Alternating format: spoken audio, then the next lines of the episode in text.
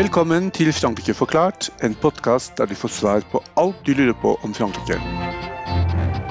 Mitt navn er Frank Urban. Og jeg heter Geir Uvsløk. I dag er temaet rettssaken mot gjerningsmennene bak de grusomme attentatene i Paris 13.11.2015.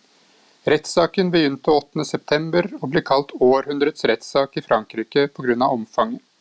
Den skal vare mellom seks og åtte måneder. Hva har skjedd så langt, og hvor mye betyr denne rettssaken for franskmenn?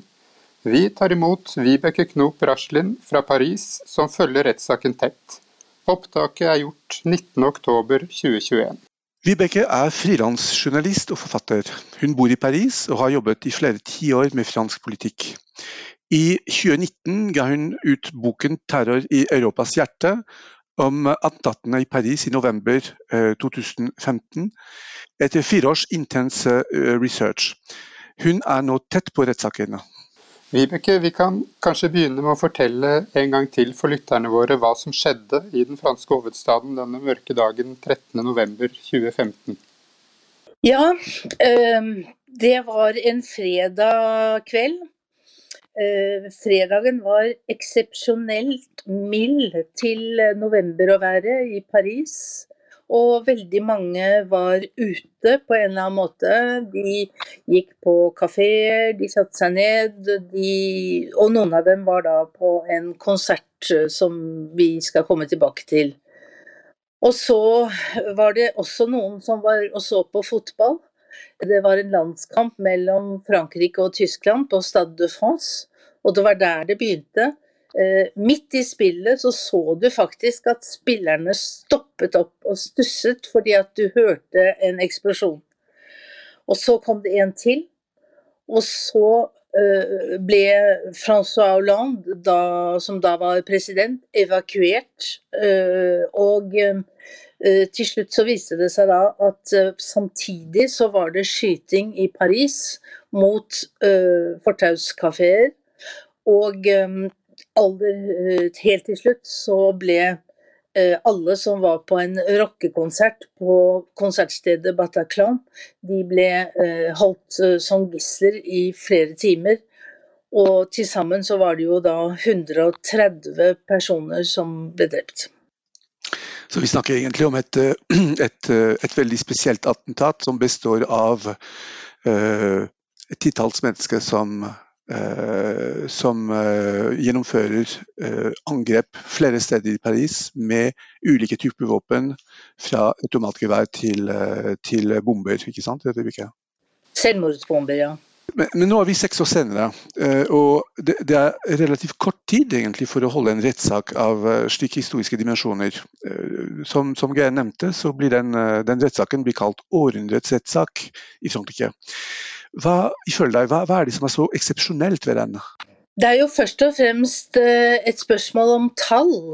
Fordi det er så veldig, veldig mange I Frankrike kaller man det for sivile parter. I Norge tror jeg man sier fornærmede. Og uh, til å begynne med så var de 1800 allerede.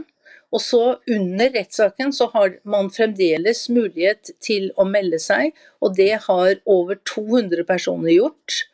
Og så er det 330 advokater. Og rettssaken foregår i en sal som er spesialbygd, for det var jo ingen eksisterende sal som var stor nok. Så de har altså bygd en helt ny sal, og den er helt enorm.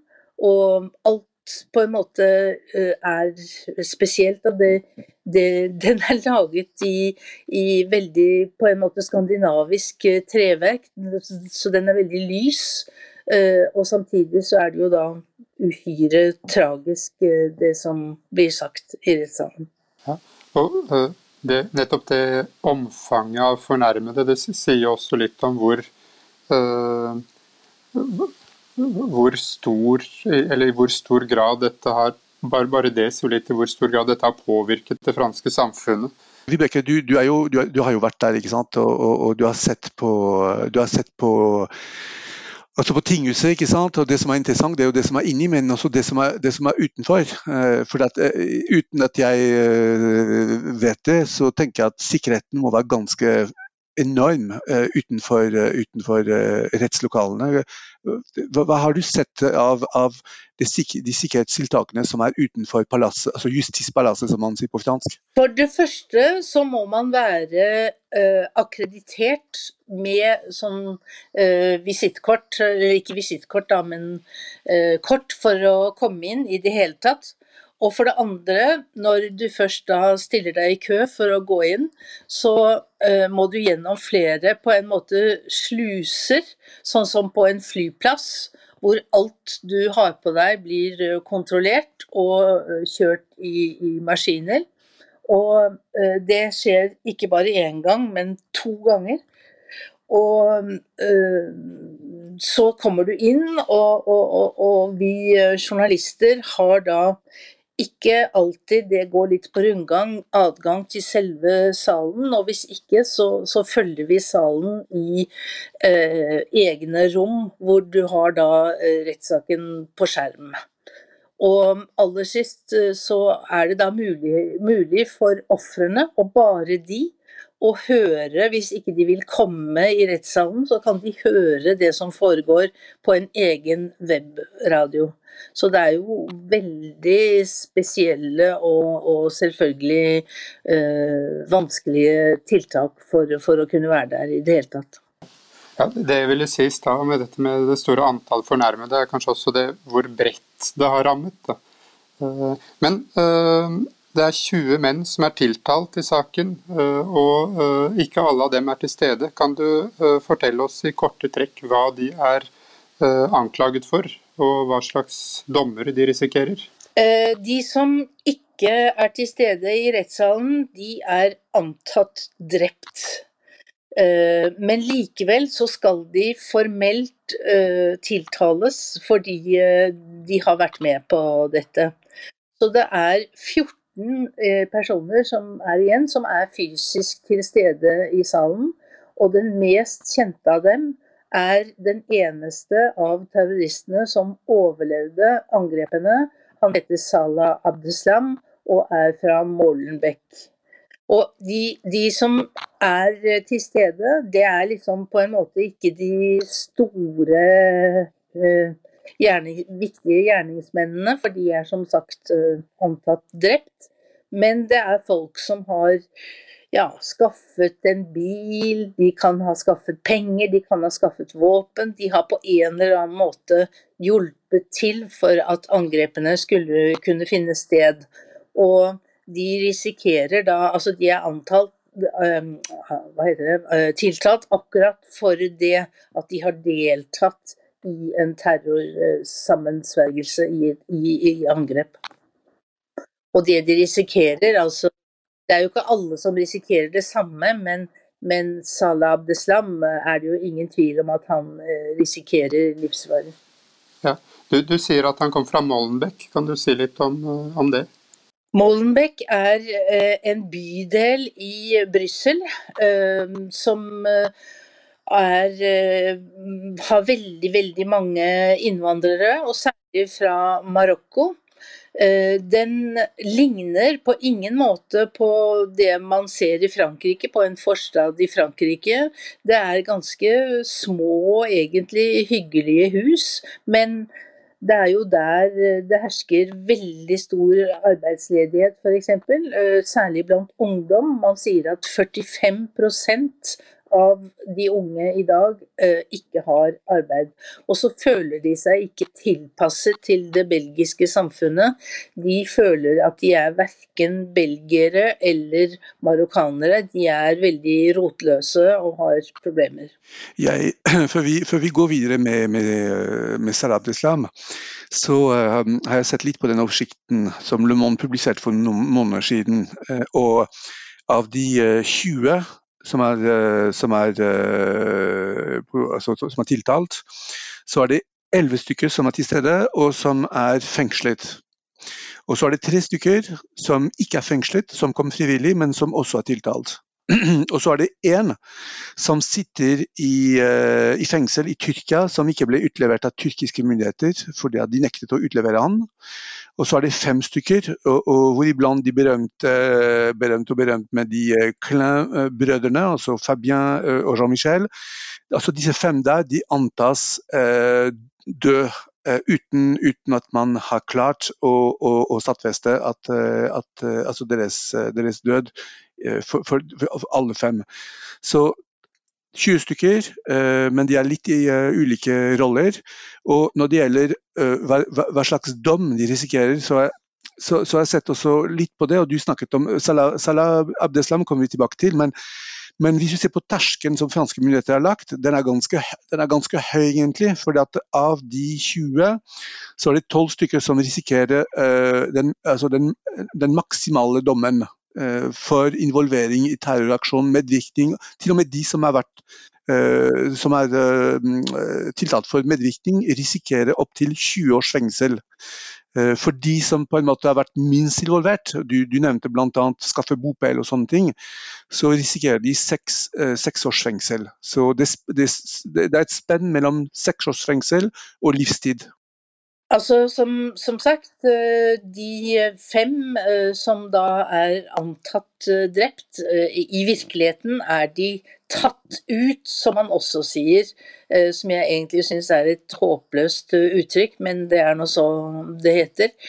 Eh, så de kan man på en måte glemme, da, at de, de eksisterer jo ikke lenger. Men de andre risikerer høye straffer, det er riktig. Og som sagt, den aller høyeste straffen blir nok forbeholdt Salah Abdeslam. Nettopp. Og, og han, han, var jo den eneste av terroristene som kom seg unna livet, med livet i behold etter attentatene. Eh, og Så sitter han oppe på titalbenken, og det, det, må være veldig spesielt for ofrene og for eh, etterlatte å se den mannen som er den eneste igjen fra attentatene i november 2020, 2015. Eh, Vibeke, hva har forventningene vært i forhold til ham, og, og hvordan har han reagert på rettssaken så langt? Veldig, veldig mange av ofrene håpet, og kanskje håper fremdeles, at han på et eller annet tidspunkt for det første skulle unnskylde seg for det han hadde gjort, og for det andre kanskje forklare hvorfor. For det er jo det store, store spørsmålet som eh, ofrene, de fornærmede, eh, stiller. Eh, I virkeligheten eh, så har han anlagt en veldig aggressiv tone jeg trodde faktisk at han ikke kom til å si noe i det hele tatt, som han ikke gjorde da han uh, ble stilt for retten i Belgia. Uh, men han, uh, han, er veldig på hugget. Han ber, ber, ikke engang om ordet, han bare begynner å snakke. Og det han sier er veldig sårende for ofrene, så de syns det er veldig vanskelig at, på, en måte at han er der i det hele tatt.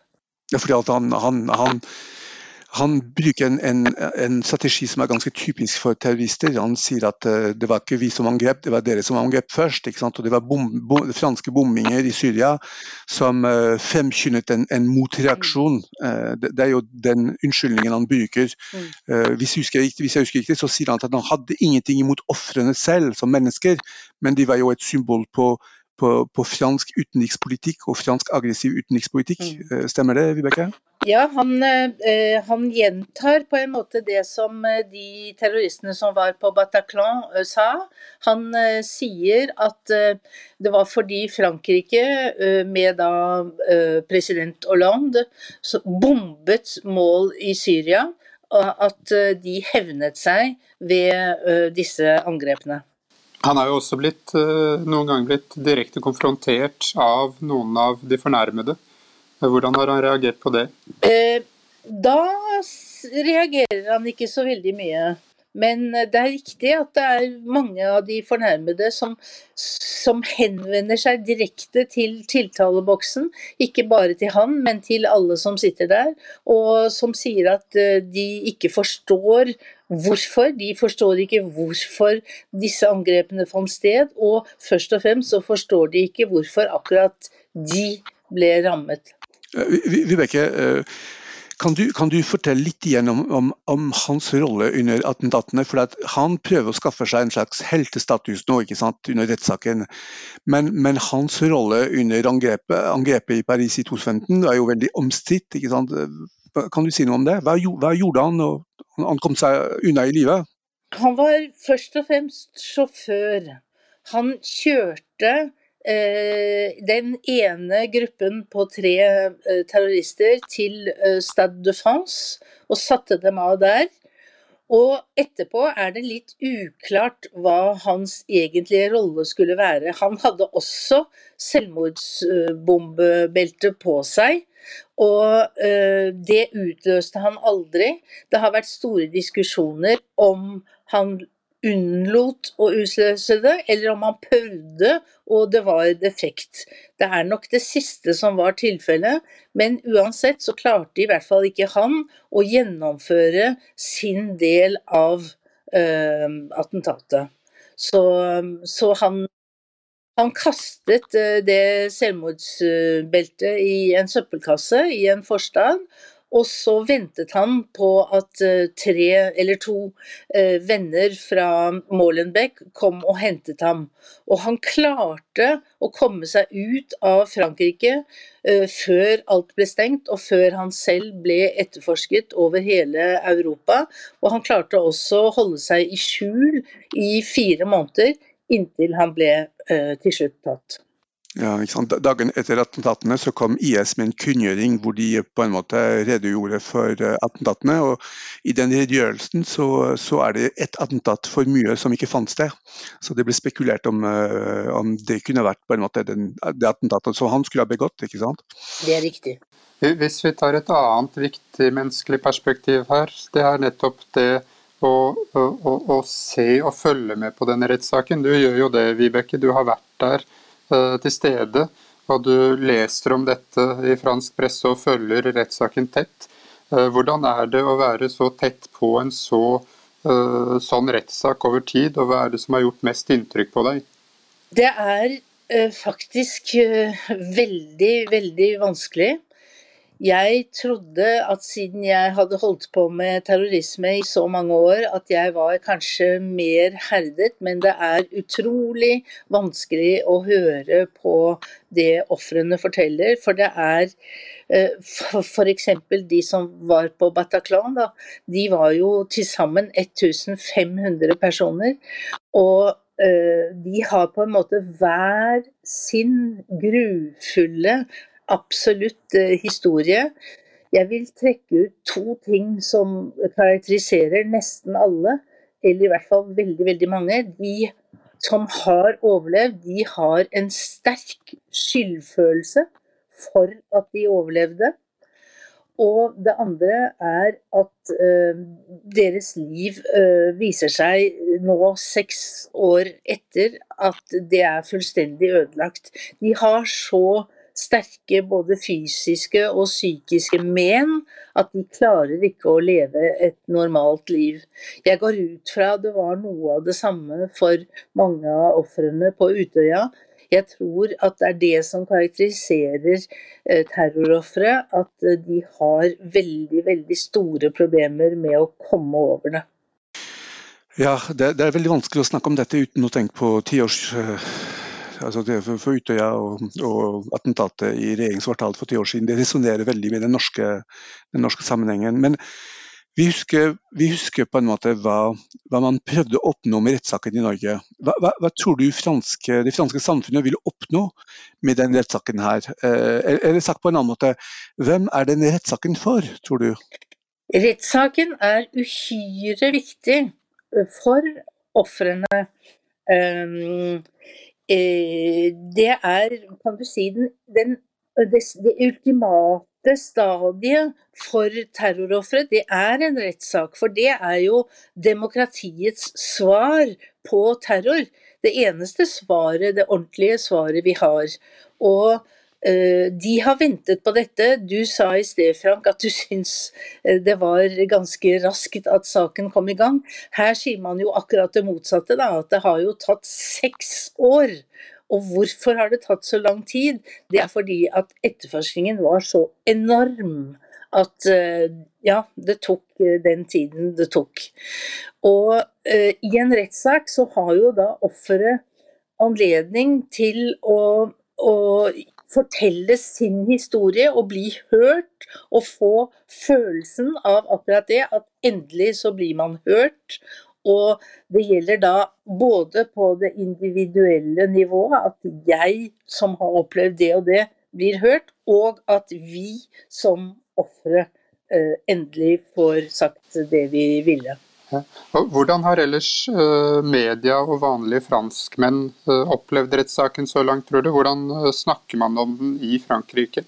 Veldig mange medier følger den veldig tett. De er i rettssaken hver eneste dag og refererer veldig trofast det som foregår. I Frankrike stort sett så er det kanskje ikke så mange som følger så veldig godt med, men alle vet jo at den foregår. Og det er jo noen eh, konsekvenser som alle kan merke, og det er bl.a. det vi var litt inne på i sted. Med sikkerhet at eh, terrorfrykten er veldig stor mens eh, rettssaken pågår.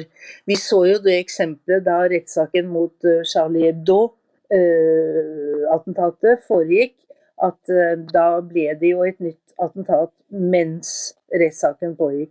Og det er det man frykter denne gangen nå. Vibeke, du snakka om rettssaken i forbindelse med Charlie Hebdo.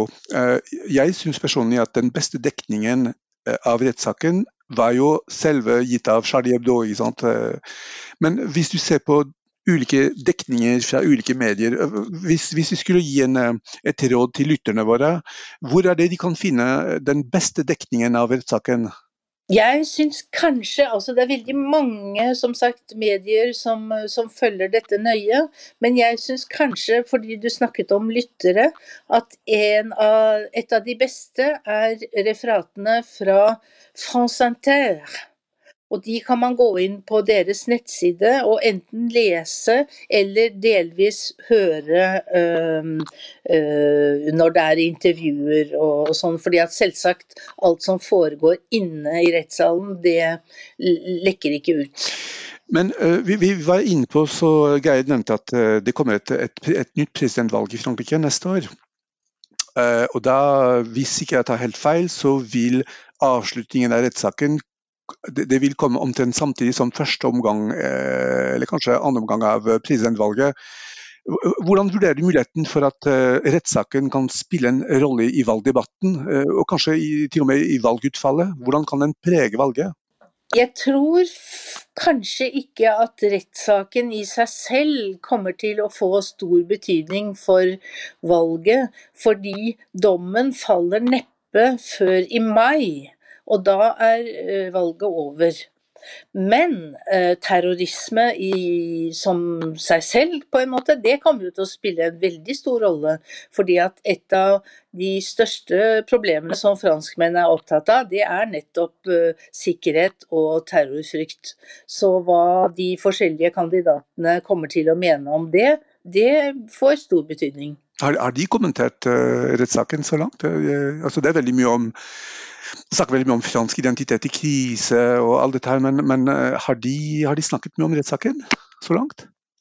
Uh, jeg har ikke hørt det nevnt så veldig mye, men du kan jo kanskje se en relasjon det, til det som skjedde i går, da uh, Emmanuel Macron, altså den nåværende presidenten, og som etter alt å dømme også er kandidat, uh, han han vil jo reformere hele rettssystemet. Og det henger nok kanskje sammen med, med det som foregår nå. Mm, en stadig fokusering kanskje på nettopp det du sa. Altså, personlig sikkerhet. Eh, og Det bidrar kanskje til å forsterke stemningen om et Frankrike som er i krise, og som trenger en, som trenger en redningsengel, eller i hvert fall noe ganske bastant for å, for å få landet på rett kurs igjen. Eh, vanskelig å si, kanskje? Ja, det, det, er det for så vidt. Men vi må aldri glemme, for det er så mange som, som trekker uh, unnskyld at jeg sier det, litt forhastede konklusjoner. Vi må aldri glemme at det tross alt er et halvt år igjen til presidentvalget, og at veldig mye kan skje innen da. Og uh, at en av kandidatene, Erik Zemmour, som det har jo vært snakket så veldig mye om, at han har sust oppover, det skal man ta med en stor klype salt, fordi at nå har kurven hans begynt å flate ut, og kommer sannsynligvis til å gå nedover igjen. Så, så intet kan tas for gitt på dette tidspunktet. Det er uh, veldig viktig å understreke. Det så vi også i 2017. At uh, slik det politiske landskapet var uh, på slutten av 2016, det lignet ikke på noe av det det ble i løpet av våren 2017. Så, og selvfølgelig her i Frankrike forklart så skal vi både i løpet av høsten og våren komme inn på flere aspekter eh, av det franske presidentvalget. Eh, men på slutten av hver episode så ber vi gjesten vår om å komme med en fransk anbefaling. Det kan være en bok eller en film eller en podkast, hva, hva, som helst. Så Vibeke, hva er din anbefaling til lytterne våre?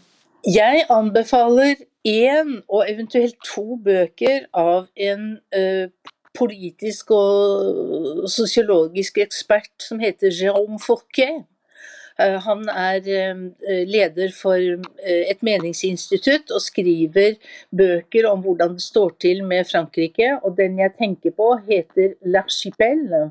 Og den, Der eh, sier han at Frankrike på en måte er blitt delt opp i veldig mange små Frankriker. At ikke vi kan snakke om ett Frankrike. Og den syns jeg er veldig interessant. Han har nettopp kommet med en ny bok også, så den, det kan vi kanskje nevne på Facebook-sida vår. Eh, Frank, har du også en anbefaling? Ja, eh, så jeg vil gjerne anbefale en podkast som lages av fire journalister fra Avisen Le Monde. Eh, og Disse fire journalistene de er daglig til stede under rettssaken, og de forteller om sine inntrykk. og Den heter på norsk altså 13.11. rettssakens tid. 13-11 Le temps du procès. Og den må gjerne høres på parallelt med artiklene i Le Monde, som gir en usedvanlig god dekning av, av rettssaken. Så skal jeg hilse fra Kjerstin og, og gi dere hennes anbefaling. Uh, nå er det bare et knapt halvt år igjen til presidentvalget. Det dukker stadig opp nye kandidater, både offisielle og uoffisielle, og de skaper liv og røre i fransk politikk. Eh, og som, ble, som, vi kom inn på, så er det nemlig ikke sikkert at det faktisk blir Emmanuel Macron mot Marine Le Pen i andre runde. For tiden så er det eh, en viss Erik Zemmour, en svart kontroversiell kommentator, som er den største trusselen for sistnevnte. Så det er veldig spennende å følge med på utviklingen fremover. Eh, I den forbindelse så finnes det flere selskaper som utfører meningsmålinger. Og Kjerstin anbefaler IFAP med den anerkjente forskeren, og hold deg fast, Jérôme Fourquet i spissen listen. Så der dukker han opp to ganger. Kjempefint. Tusen takk, Frank. Da har vi gjort mye reklame for Jérôme Forquet. Det fortjener han absolutt. Til hver episode så skriver vi en kronikk eh, som publiseres på forskning.no eller i Transit magasin. Eh, og der tar vi et eh, litt annerledes eller litt annet blikk på det temaet vi snakker om. Så den komplementerer altså podkasten. Og da gjenstår det bare å takke vår gjest Vibeke Knop Haslin, og så høres vi igjen i neste episode av Frankrike forklart. Au revoir! Frankrike forklart er et samarbeid mellom Universitetet i Oslo og Høgskolen i Østfold. Podkasten er støttet av det norske universitetssenteret i Paris og Institut Francais i Oslo og har full redaksjonell frihet. Abonner på Frankrike forklart på iTunes, Spotify eller på andre plattformer der du lytter til podkast. Har du kommentarer til oss eller forslag til temaer vi bør ta opp, kan du sende inn det via vår Facebook-side Frankrike forklart. Her vil du også finne referansene som nevnes i dagens episode.